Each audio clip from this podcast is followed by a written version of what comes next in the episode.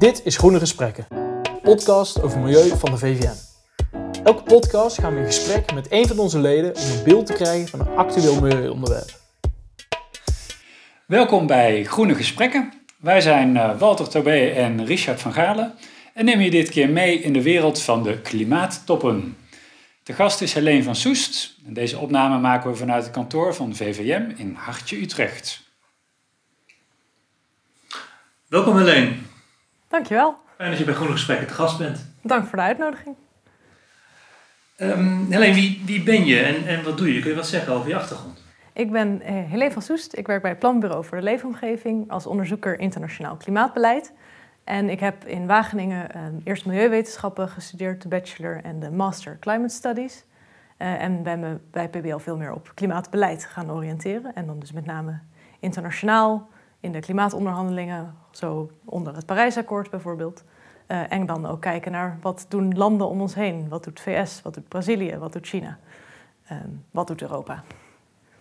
Oké, okay. ik was eigenlijk zelf benieuwd of verrast dat ik zo'n jonge vrouw voor me had. Want ik dacht eigenlijk bij PBL werken heel veel grijze, wijze mannen.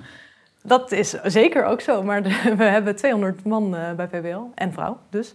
En uh, daar zitten zeker ook een hoop jonge uh, onderzoekers tussen. Die ook vaak dat combineren zelfs met een promotietraject. Um, dus dat is een divers gezelschap. Doe je dat ook, een promotieonderzoek? Of, ja, via projecten waar ik aan werk schrijf ik ook wetenschappelijke artikelen. En dat kan ik uiteindelijk dan tot een, een promotieonderzoek bundelen. Mooi.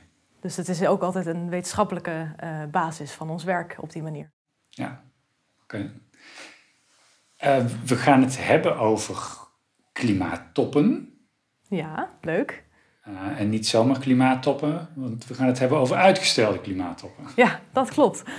Um, er zijn elk jaar klimaatonderhandelingen uh, onder de vlag van het Parijsakkoord, wat in 2015 is gesloten. En dat valt dan ook weer onder de raamwerkovereenkomst van de Verenigde Naties. Um, en ja, die zijn elk jaar zo aan het eind van het jaar, november, december, verschilt een beetje. Daar kwam dit jaar natuurlijk um, iets anders belangrijks om de hoek kijken, namelijk de coronacrisis. En uh, die uh, centra die bedoeld waren om die top te houden, zijn inmiddels omgetoverd tot uh, tijdelijke noodziekenhuizen. Dus dat is niet alleen logistiek, maar ook qua aandacht niet te doen om nu een klimaattop met afgevaardigden van over de hele wereld te houden. Dus die is uh, denk ik terecht uitgesteld naar volgend jaar. En daarmee ook uh, ja, allerlei processen. Dat blijft, blijft nog een beetje onduidelijk hoe dat nu verder gaat. Um, maar ook de tussentijdse top. Er is altijd een soort uh, technische top in juni. meestal in Bonn. En ook die is uitgesteld. Dus dat is allemaal nog een beetje ongewis hoe het nu verder gaat op het gebied van internationaal klimaatbeleid. Um, hoe, hoe ernstig is dat nou? Helene. En wat betekent dat dan voor het wereldwijde klimaatbeleid? Ja, dat is. Um, ja, de, aandacht ligt nu natuurlijk ergens anders en dat is logisch. Maar uh, we constateren al een tijdje dat we achterlopen en gisteren hadden moeten beginnen met maatregelen nemen. Dus als je dingen uitstelt, gaat het er daarmee niet, niet sneller op. Dus in die zin is dat natuurlijk niet behulpzaam. Uh, maar aan de andere kant hangt het niet alleen maar van de toppen af. Gebeuren er ook andere dingen en gaat dat wel door. Um, maar de onderhandelingen waren nog niet afgerond. Um, die, uh, het, belangrijkste openstaande issue was artikel 6 over uh, handel. Uh, en mag je dan de vorige gerealiseerde re meetellen? Nou, daar was een hele hoop om te doen. Daar zijn ze in Madrid vorig jaar niet uitgekomen dat wordt nu dus nog een jaartje later. En dan gaat men wel proberen om misschien digitaal wat uh, te regelen al. Um, maar dat is toch wel een beetje zoeken hoe dat nu verder moet natuurlijk. Ja. Dus dat kan wel uh, uh, vertraging opleveren. Ja, ja, ja want wereldwijd zijn landen natuurlijk bezig met het maken van klimaatbeleid. Ligt dat nu ook helemaal stil?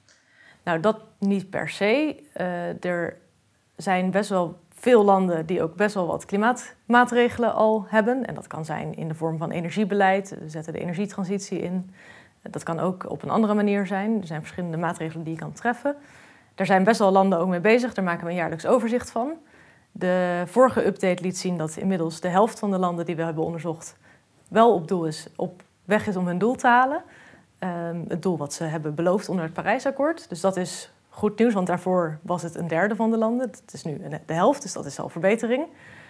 Dus dat gaat door, maar nu ligt de aandacht natuurlijk op de, de herstelpakketten. En daar is dan de oproep vaak ook: maak die groen, gebruik dat als een kans om uh, de economie weer verder te vergroenen.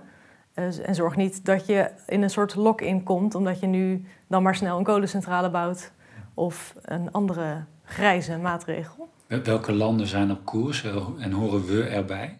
Ja, als, uh, als ik het even over de EU heb, wel. Want over Nederland, dat laat ik graag aan mijn uh, collega's over. Oké, dat weet, uh, weet, je niet of dat... Ja, daar maken we natuurlijk ook projecties voor. daar komt uit dat we voor 2030 nog net een tandje bij moeten zetten om de doelen te halen. En in de EU zijn we inmiddels echt wel goed op weg om de doelen te halen die we onszelf hebben gesteld.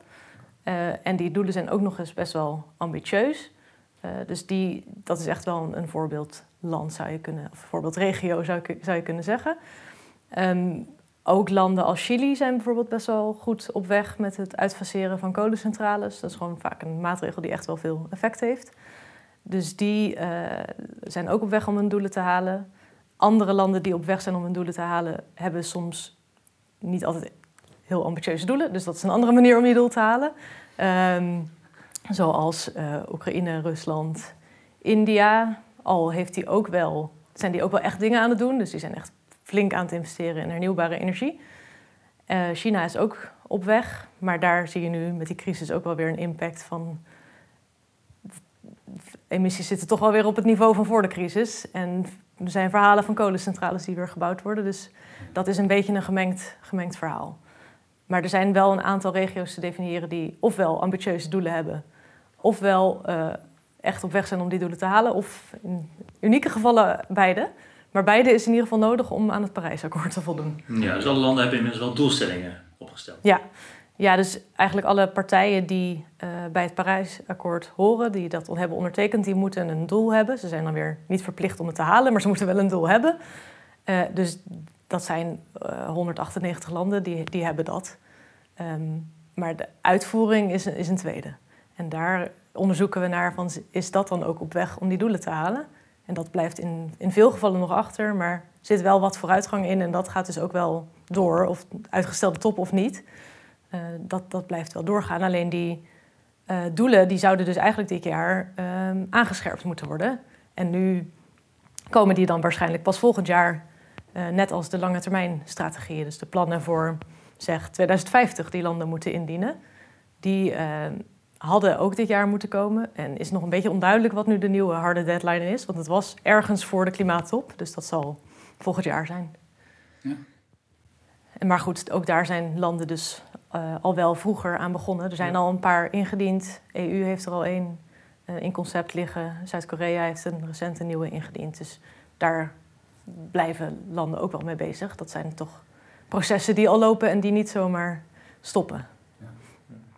Ja, want er werd, nee, we gaan later het nog even over corona hebben, maar er werd ook wel gezegd van, goh, het is alleen maar uh, fijn dat corona, want nu wordt er ineens uh, minder gereisd. En, uh, of valt dat wel mee? Ja, dat is natuurlijk een lastig frame, want je wil niet suggereren dat je elk jaar een corona nodig hebt om de klimaatcrisis te halen. Laten we vooropstellen dat corona vreselijk is en heel veel ellende met zich meebrengt. Dus terecht dat daar nu even alle aandacht op gevestigd is. Um, nu zie je op korte termijn wel echt wel effect. Met name inderdaad in mobiliteit, minder reizigers van huis naar werk. Daar staat dan misschien weer tegenover dat er wat meer energie thuis wordt verbruikt. Uh, zelf heb ik bijvoorbeeld twee computerschermen standaard aanstaan. Ja. Um, maar de vraag is vooral, is dit echt een lange termijn effect? Ja, daar gaan we het zo nog over hebben. Ja. Dat is goed. Ja, maar in de, op de korte termijn zie je inderdaad dus wel een... Ja, zeker. Uh, er zit echt wel een paar procent reductie in emissies, ook direct gelinkt aan de reductie in economische groei. Um, maar ja, dus bij landen die al wat eerder uh, die crisis hebben gehad, zoals China, zie je die emissies inmiddels weer op het oude niveau. Dus dat is inderdaad wel echt een korte termijn effect. Oké. Okay. Een korte adempauze zo voor de, voor de aarde. Ja, dat, ja. dat wordt zo vaak wel, uh, wel gesteld, ja. Ja. ja. En dan hou je bij het planbureau bezig met, met klimaatscenario's. Wat Ja. voor, waar moet ik dan aan denken? Wat voor scenario's zijn er? En waar, waar kijk je naar, dat soort scenario's? Ja, dat zijn, scenario's zijn dus eh, per definitie geen voorspellingen. Het is geen eh, weer van eh, morgen wordt het 30 graden. Eh, dit zijn allemaal een soort verhalen. Als dit gebeurt, dan zou dit de uitkomst kunnen zijn. Als je hiervoor kiest, dan zou dit de uitkomst kunnen zijn. Dat is belangrijk om voorop te stellen. Dus ik spreek ook altijd over projecties, scenario's, geen voorspellingen. En die maken we aan de hand van modellen. En die modellen eh, beschrijven met allerlei formules de interactie tussen mens en natuur, zou je heel algemeen kunnen stellen. Eh, dus ehm, de mens eh, zorgt voor energieproductie om eh, in de energiebehoeften te voorzien. Dat kan op verschillende manieren. We hebben, in het model hebben we kolencentrales zitten, we hebben eh, gascentrales, Nou, we hebben ook allerlei hernieuwbare opties. Dus dat wordt helemaal gesimuleerd, zou je kunnen zeggen, hoe die, dat energiesysteem eruit ziet. Wat voor emissies daarmee gepaard gaan van broeikasgassen. eh, wat de invloed daarvan is op temperatuurstijging. En zo zitten er allerlei links tussen, ook niet alleen het energiesysteem, maar ook landgebruik, het veehouderij. Dat zit allemaal in het model en alle interacties daartussen worden beschreven.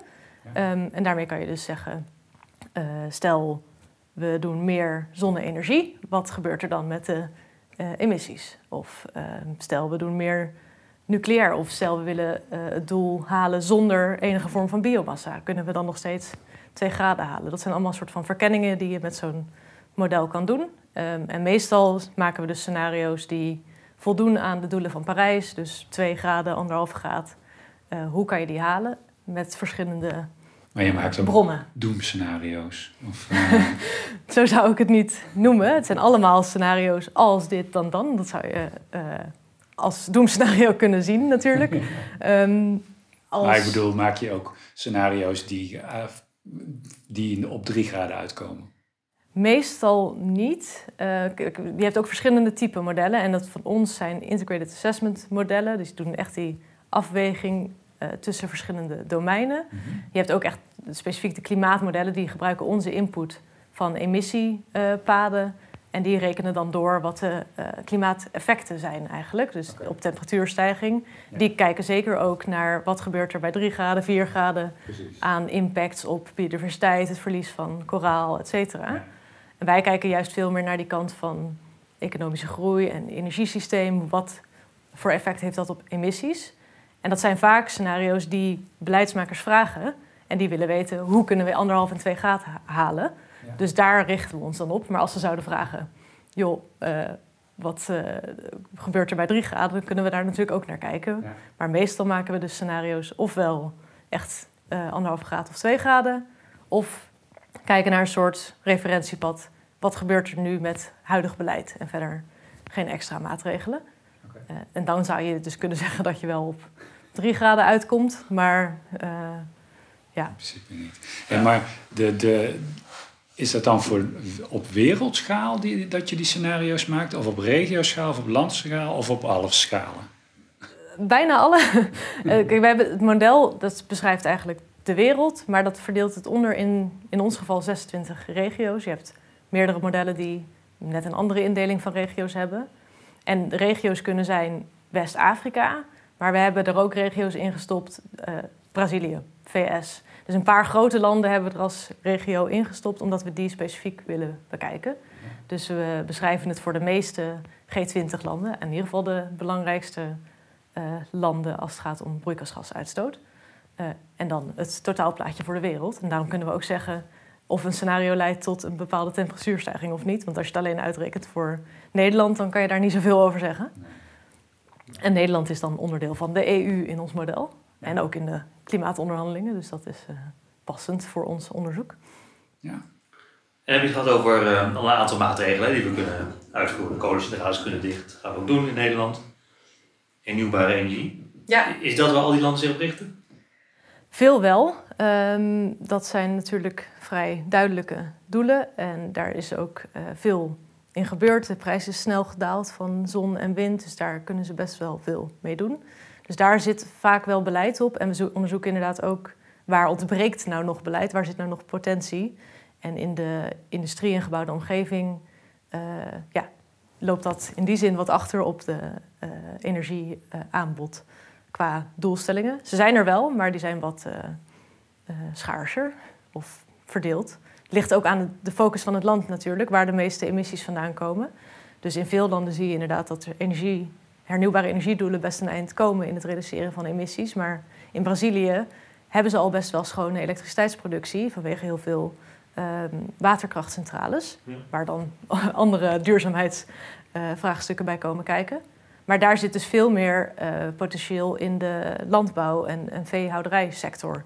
Daar komt ook nog heel veel uh, broeikasgas vandaan. Dus dat verschilt ook wel per land waar de nadruk op ligt. Of bijvoorbeeld Indonesië, tegengaan van ontbossing, is daar een veel belangrijkere factor. Uh, maar ook die hebben hernieuwbare energiedoelen. Dus het is natuurlijk altijd een combinatie van actie op verschillende terreinen. Anders dan is het ook niet genoeg om aan de best wel ambitieuze doelen te voldoen. Ja, en als ik nou het schaamrood staat natuurlijk op elkaar. Als ik een vlucht boek, kan ik dat compenseren met een boom. Ja. Zet dat zo op de dijk, als we dat allemaal, zo aan de dijk, als we dat allemaal zouden doen. Ja, en dan moet ik natuurlijk ja zeggen, want anders dan gaat niemand het meer doen. Dat is natuurlijk de eeuwige vraag van individuele actie en meer systeemverandering. Um, kijk, je hebt ook individuele actie nodig, maar alleen dat gaat ook weer niet voldoende zijn. Het is ook bijna niet te doen om mensen te vragen twee keer zoveel te betalen voor een treinreis. Dat, daar moeten ook aanpassingen komen um, vanuit de overheid of wie er dan ook over gaat, om uh, dat gelijk uh, te beprijzen, zodat een treinreis gewoon goedkoper is. En dan kan je veel makkelijker de juiste keuze maken. Dus natuurlijk helpt het als je uh, dit soort keuzes en afwegingen maakt. Die maak ik zelf ook. Um, maar dat is ook niet het enige waar we het van moeten hebben. Want er zijn nou eenmaal grote systeemveranderingen nodig om dit enorme complexe probleem aan te kunnen pakken. Zoals het uh, laatste boek van, ben de naam even kwijt, maar de, uh, Beter Milieu begint niet bij jezelf. Ja. is laatst uitgekomen. Uh, ik vond hem zelf een vervelende titel eigenlijk. Ik dacht, ja, ja dan lijkt het alsof ik niks meer kan doen. Ja, nee, dat is natuurlijk een lastige um, balans. Want natuurlijk helpt het als je wat doet, maar het helpt zeker ook als je dat uitdraagt en daarmee anderen misschien weer inspireert om wat ja. te doen. En ook op een partij stemt waarvan jij denkt dat die uh, helpt om juist die systeemverandering teweeg te brengen. Ja. Dus er zijn natuurlijk meerdere, op meerdere niveaus kan je wat doen. En dus ik zou vooral niet bij de pakken gaan neerzitten van nou, ik, uh, het maakt niet uit wat ik doe. Dat, zo werkt het helaas ook weer niet. Ja. En wij maken juist ook scenario's die veel meer inzetten op gedragsverandering bijvoorbeeld. En dat zijn dan vaak ook best wel lastige uh, aannames. Ja, zeg maar eens de hele wereld mag geen vlees meer eten. Maar goed, je kan dus best wel doorrekenen. En dat heeft ook echt wel effect als ja. een aanzienlijk deel dat gaat doen. En misschien niet helemaal geen vlees meer, maar minder vlees. Ja. Dat heeft zeker ook effect. Maar het is natuurlijk het lastige hierbij is dat het vaak een optelsom is. En alle beetjes zijn eigenlijk nodig ja. om deze ontzettend ambitieuze doelen te halen. Ja, interessant. Zie, zie jij nou regio's waar um, meer of minder potentieel is om die doelstellingen te halen? Waar, waar zouden we nou echt op moeten focussen om dit te ja. kunnen realiseren? Ja, iedereen kan natuurlijk wat doen, maar onze scenario's laten ook wel zien waar je op een goedkope manier uh, veel uh, emissies kan reduceren. En we hebben recent onderzoek gedaan uh, naar wanneer zouden landen netto nul emissies kunnen bereiken. En daar blijkt dat bijvoorbeeld de Verenigde Staten en Brazilië eigenlijk altijd veel eerder gaan dan het wereldgemiddelde. Terwijl India best wel wat later kan. China en de EU zijn een beetje gelijk aan het wereldgemiddelde in die zin. Uh, maar met name VS en Brazilië en in sommige gevallen ook wel Japan kunnen echt wel eerder volgens onze scenario's dan het wereldgemiddelde nul emissies bereiken. Omdat ze dus veel potentieel hebben om te reduceren. Nou, in het geval van Brazilië is dat bijvoorbeeld herbebossing, dus bomen planten. Zolang die groeien neemt dat CO2 op en uh, onttrekken die dus CO2 aan de lucht. Uh, VS uh, ook wel, maar ook bijvoorbeeld biomassa verbranden en dan de CO2 afvangen en onder de grond stoppen, CCS. Dat zijn eigenlijk belangrijke factoren in het verklaren van waarom landen zo vroeg relatief gezien net naar netto nul emissies zouden kunnen gaan. Ik vind het wel verrassend. Ja, eigenlijk. Ik ook. Omdat ik denk van ja, de gemiddelde uitstoot van een, een, een Amerikaan of Japaner is veel groter. Ja. Dus ik zou zeggen, dan duurt het toch veel langer voordat die naar nul kunnen gaan. Ja. Iemand in Malawi heeft een uitstoot van veel minder. Dus die zou toch veel makkelijker naar nul uitstoot kunnen. ja, die zouden natuurlijk technisch gezien wel misschien makkelijker naar nul kunnen. Ja. Maar dat, dan komt er ook weer een andere overweging bij. Wil je dat van ze vragen? Want en dan kom je al gauw in een soort eerlijkheidsdiscussie... waar allerlei principes spelen. En vaak wordt gezien... Soort, je wil eigenlijk toe naar gelijke emissies per, per hoofd van de bevolking. Ehm, maar je kan het ook insteken op deze, dit land kan veel meer betalen. Dus die zou het meeste moeten doen. Of dit land heeft het meeste historisch uitgestoten en daarmee een grote verantwoordelijkheid voor het veroorzaken van dit probleem. Dus die zou meer moeten doen. Ja. Dus zo zijn er verschillende afwegingen eh, die je mee zou kunnen nemen. Ehm, en onze scenario's zijn dus vaak ingestoken op een kostenoptimale manier wereldwijd. Ehm, dus je neemt gewoon de maatregelen waar ze het goedkoopste zijn, technisch gezien. Ja. Ehm, maar daar kan je natuurlijk best andere eh, afwegingen in maken. Wat Dus eerlijk is. Voor de laagste prijs het grootste effect. Ja, dan? eigenlijk wel. Ja, Dat is kostenoptimaal. Ja. ja of kostenefficiënt of iets Ja. in die richting. Ja, en dat is een, overwogen, dat is een weloverwogen keuze om dat te doen. Ja. Dus niet te kijken naar draagkracht. Nou ja, dus dat is ook wel onderdeel van het Parijsakkoord. Dat Ja. staat in ieder geval ook een aanbeveling om dat op een kostenoptimale of zo kostenefficiënt mogelijke manier te doen. Dus dat komt ook niet uit de lucht vallen natuurlijk. Eh, dat is ook wel een, een verzoek vanuit beleidsmakers. Die willen dat dingen graag ook gewoon eh, goedkoop doen. Ehm, maar er zijn vaak ook wel verzoeken van... oké, hoe kunnen we dit eh, anders verdelen? En als je naar de beloftes kijkt van de landen zelf... dan refereren ze toch vaak naar iets wat lijkt op eh, gelijke emissies per hoofd van de bevolking. Dat is wat de meeste landen eerlijk vinden. Ehm, dus daar moeten denk ik ook wat meer onze ogen nog op eh, richten, op onze aandacht. Ja, want je zegt, je hebt het nou over de VS en Brazilië. Ja. Interessante landen. Aan de slag ermee. Dus- ja, we gaan, die, we gaan die presidenten bellen. Ja, doen we. Succes! En aangeven dat zij de, de, de, nou, de wereldwijde klimaatdoelen kunnen gaan halen voor ons allemaal. Ja, Alleen politiek. dat is eh, stap twee. Ja. Ja, dat vond ik ook wel interessant dat juist die landen vroeg gaan. Met de huidige politieke configuratie is dat wellicht wat ambitieus. Ehm, we zullen zien wat de verkiezingen in de VS gaan brengen natuurlijk. Maar ehm, daarom maken we ook juist eh, scenario's die meer proberen de huidige realiteit te vatten. Dus huidig beleidsscenario's. Wat zien we gewoon gebeuren in het echt? Dat proberen we mee te nemen, zodat het ook wat realistischer wordt. Want dit is inderdaad in de praktijk natuurlijk niet eh, de meest voor de hand liggende eh, stap. Dus daar kunnen we ook nog wel wat verder met onze scenario's. Maar goed, het is ook wel eh, belangrijk om te zien wat er zou moeten gebeuren. En dat alle landen dus iets moeten doen, dat dat ook nodig is om de doelen te halen. Dus we kunnen ook niet zeggen, nou dan maar zonder VS en Brazilië. Dan moeten andere landen wel zodanig compenseren. Dan wordt het ook wel een, een lastig verhaal. Dus het is ook, laat ook wel zien dat we misschien ook moeten inzetten op... kunnen we op een andere manier in die landen wat teweeg brengen. En in de VS eh, heb je bijvoorbeeld een coalitie van clubs die zeggen... ja, we zijn misschien niet meer onder het Parijsakkoord actief... maar wij gaan er gewoon nog steeds voor om dat doel te halen. Dus bedrijven en steden met welwillende burgemeesters... proberen dat alsnog te doen. Dus in die zin kunnen we dan daar misschien de aandacht op richten... om te helpen en hun te ondersteunen om alsnog dat doel te halen. Ja, ja. Nou, dat is allemaal leuk hè, dat Nederland zo over de hele wereld kijkt wat andere landen allemaal kunnen doen. Maar hoe, waarom doet Nederland dit? Hoe, hoe zinvol is het voor Nederland om dit allemaal te weten? In kaart gebracht hebben? Ja, ehm, je kan zeggen dat Nederland dit doet. Nu doen wij dit natuurlijk als, als PWL. Dat is een onafhankelijk onderzoeksinstituut. Wij hebben daar ook simpelweg de capaciteit voor. We hebben een model, een van de eerste van dit type in de wereld... eh, wat zich ook met zulke scenario's is gaan bezighouden. Dus wij eh, zijn daar ook simpelweg goed in. Ehm, en we worden ook gevraagd door de Europese Commissie met name om dit onderzoek te doen, zodat zij hun onderhandelingen voor die klimaattop kunnen voorbereiden.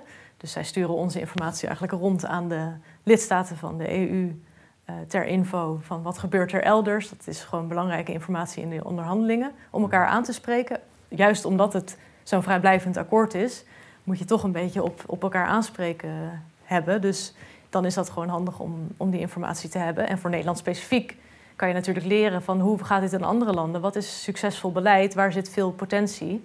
En wat kunnen wij daaruit overnemen in ons beleid? Maar wij hebben dus eigenlijk als, als niet als Nederland, oké, maar als PWL heb je eigenlijk een Europese rol daarin. Ja, veelal wel. Direct voor de Europese Commissie doen wij ons onderzoek. Ik specifiek, want er zijn natuurlijk ook heel veel onderzoekers bij PBL die veel meer direct voor het ministerie werken. Ja. Maar in mijn eh, bubbel zit ik veel meer in die internationale hoek. En daar werken we ook heel veel samen met partners in het buitenland. Ja. Want ik kan wel zeggen wat er in de VS gebeurt, maar dat kan een partner in de VS natuurlijk veel beter. Dus die, daar proberen we van elkaar te leren. Ja, dus dit zijn, er is wel internationale afstemmingen over. Er is- Ja. Ja, men is wel wereldwijd eens dat dit de scenario's zijn. Ja, je wil natuurlijk niet één scenario. Het is juist goed om een range aan scenario's en, en opties te verkennen. Daarom doen we dit ook met verschillende modellen, eh, die dan misschien net wat andere uitkomst laten zien, met iets andere eh, configuratie van het energiesysteem. De een heeft wat meer nucleair, de ander wat meer zon, de ander wat meer wind. Maar allemaal laten ze dalende emissies zien, allemaal laten ze zien dat fossiele brandstoffen vervangen moeten worden door hernieuwbare. Dus dat soort eh, robuuste boodschappen kan je eruit halen als je meerdere scenario's van verschillende partijen met net verschillende type modellen hebt. Dus wij werken in heel grote consortia samen met 18 partners. En dat zijn of partners vaak in de EU die een soortgelijk model hebben als wij bij PBL. Of het zijn, of, en het zijn partners in landen eh, met een model specifiek voor dat land. En dan kunnen we echt van elkaar leren. Wij geven de wereldwijde context. Wij rekenen door, komt dit nou uit op anderhalf of twee graden met jullie input? En wij leren van hun, wat speelt er nou echt in Indonesië, in Korea, in Ja. Japan? En ehm, het is misschien een beetje een gekke vraag, maar ehm, geloof je altijd alles wat je binnenkrijgt van je partners? Of denk je wel eens van, nou, dit zijn data die, eh dat kan niet kloppen?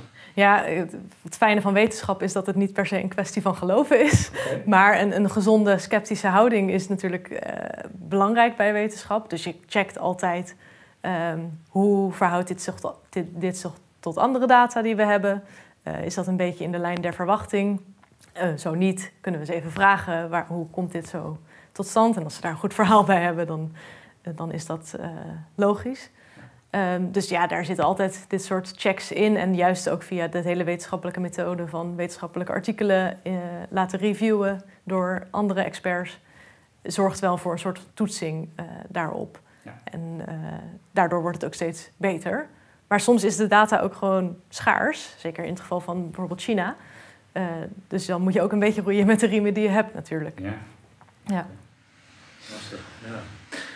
We hadden het heel even over corona. Je hebt het ook gehad over gedragsverandering. Dat vind ik wel interessant. We hebben natuurlijk in Nederland, eh, en misschien is dat ook op Europees niveau wel terug te zien, eh, gedragsverandering gezien. Mensen zijn meer thuis gaan werken, eh, er wordt veel minder gevlogen op dit moment. Eh, de, de, de vraag naar brandstoffen wereldwijd is, is enorm teruggelopen. Is dat nou een rimpeling of verwacht jij daar ook nog een blijvend effect van? Is daar al iets, hebben jullie daar al iets over onderzocht? Ja, we onderzoeken nu eigenlijk vooral het effect op de kortere termijn. Eh, nou ja, daar is duidelijk dat dat wel effect heeft. Blijvend effect, dat, dat ja, verwachten veel mensen. Dat zou wensdenken kunnen zijn. Maar ik, ik denk zelf dat er wel ehm, iets van zal blijven. Dat mensen misschien niet fulltime, maar wel vaker zullen thuiswerken... nu ze hebben gezien dat dat kan. Dat bij de internationale congressen eh, nog beter nagedacht wordt over moet ik daar echt eh, heen of kan ik dat ook eh, via eh, niet nader te noemen software volgen. Ehm, daar zal vast in die zin wel wat van blijven. Maar het gevaar bestaat natuurlijk ook dat er gewoon net zo hard weer ingezet wordt op economische groei terug naar normaal. en dat het daardoor eigenlijk dat allemaal teniet doet. Maar dat, de tijd zal dat uitwijzen. Dat is nu nog, nog moeilijk te zeggen. Maar in bepaalde sectoren zal er wellicht wat van te zien zijn. En dan is de vraag of dat ja, in balans is. Of dat het toch eh, elkaar op gaat heffen. Ja. ja. En je hebt natuurlijk heel veel scenario's gezien. Hè? Hoe, hoe positief ben jij nou? Dat we dit ook uiteindelijk, gaan halen. En dan dit bedoel je, neem ik aan, Dit- dit- twee dit graden. Parijs- ja, het Parijse akkoord. Ja, Ehm, dat is altijd een lastige vraag. Want aan de ene kant kan je zeggen, ehm, ja, we gaan het niet halen en dan gaat er ook niks gebeuren. Dus dat is een boodschap die we denk ik moeten vermijden.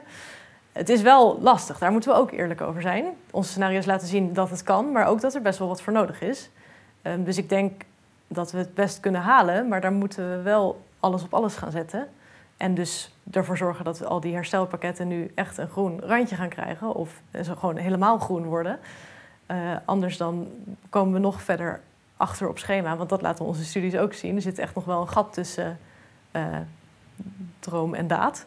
Um, dus dat. Maar goed, er zijn ook positieve ontwikkelingen. De, de prijs van hernieuwbare energie, van batterijen, is enorm snel gedaald. Veel sneller dan wij uh, in onze scenario's of in onze modellen hebben zitten. Um, er zijn ook steden, bedrijven, noemde ik ook al even, die echt uh, veel ambitie tonen en aan de slag gaan. In aanvulling op wat er op landenniveau of internationaal gezien gebeurt. Dus er zijn echt ook wel positieve ontwikkelingen en die rekenen we ook door. Stel, je neemt wat goede voorbeelden. Neem een uh, Noorwegen met elektrische auto's of uh, hernieuwbare energie in Duitsland. En je probeert dat over de hele wereld uit te rollen. Iedereen volgt dat voorbeeld. Dan kan je dat gat tussen wat beloofd is en wat nodig is voor Parijs wel met de helft dichten. Dus er zijn echt ook nog wel dingen die we kunnen doen. Dus dat is uh, in die zin ook wel positief. dat klinkt fijn. Gelukkig. Ja. Ja. Hey, en als jij nou nog, uh, wat, wat is jouw eerste stap die je nog wil zetten richting klimaatneutraal, persoonlijk? Na onderzoek over klimaatneutraliteit ben ik erg uh, genuanceerd geworden over de definitie van klimaatneutraliteit op individueel of bedrijvenniveau. Mm -hmm. Dat is natuurlijk best lastig te definiëren. Waar leg je de grens? Uh, wat telt allemaal mee en wat niet? Um, ja, ik uh, blijf in ieder geval vaker thuiswerken. En zeker ook de internationale congressen. Juist door die samenwerking met internationale partners moest ik wel eens het vliegtuig in. Daar dacht ik al eens over na, omdat ik gewoon een hekel heb aan vliegen. Nu al helemaal. Nu zijn er natuurlijk ook veel meer opties om, uh, om dat digitaal te volgen. Dus daar ga ik nu extra goed over nadenken. Um, om dat nog wat minder te doen. Oké, okay. fijn. Nou, dankjewel. Uh, volgens mij zijn wij uh, klaar. Hè? Hebben we Helene wel uh, doorgezaagd. Een prachtig verhaal. Ja, Ja. oké. Nou, bedankt voor je komst, Helene. Fijn dat je ons mee hebt meegenomen in de wereld van de, de klimaattoppen en de scenario's. Uh, luisteraar, ook bedankt. Mocht je vragen hebben, uh, stuur dan vooral een berichtje uh, aan VVM en dan komt die bij ons terecht. Vond je het onderwerp interessant? Luister dan vooral ook onze eerdere podcast, want daar hebben we het ook heel vaak over klimaat. Tot ziens. Tot luisters. Dit was de eerste podcast Groene Gesprekken van de VVM. Vond je deze podcast leuk? Deel hem dan met vrienden en familie. Volgende maand zijn we terug met een nieuw onderwerp en een nieuw interessant persoon.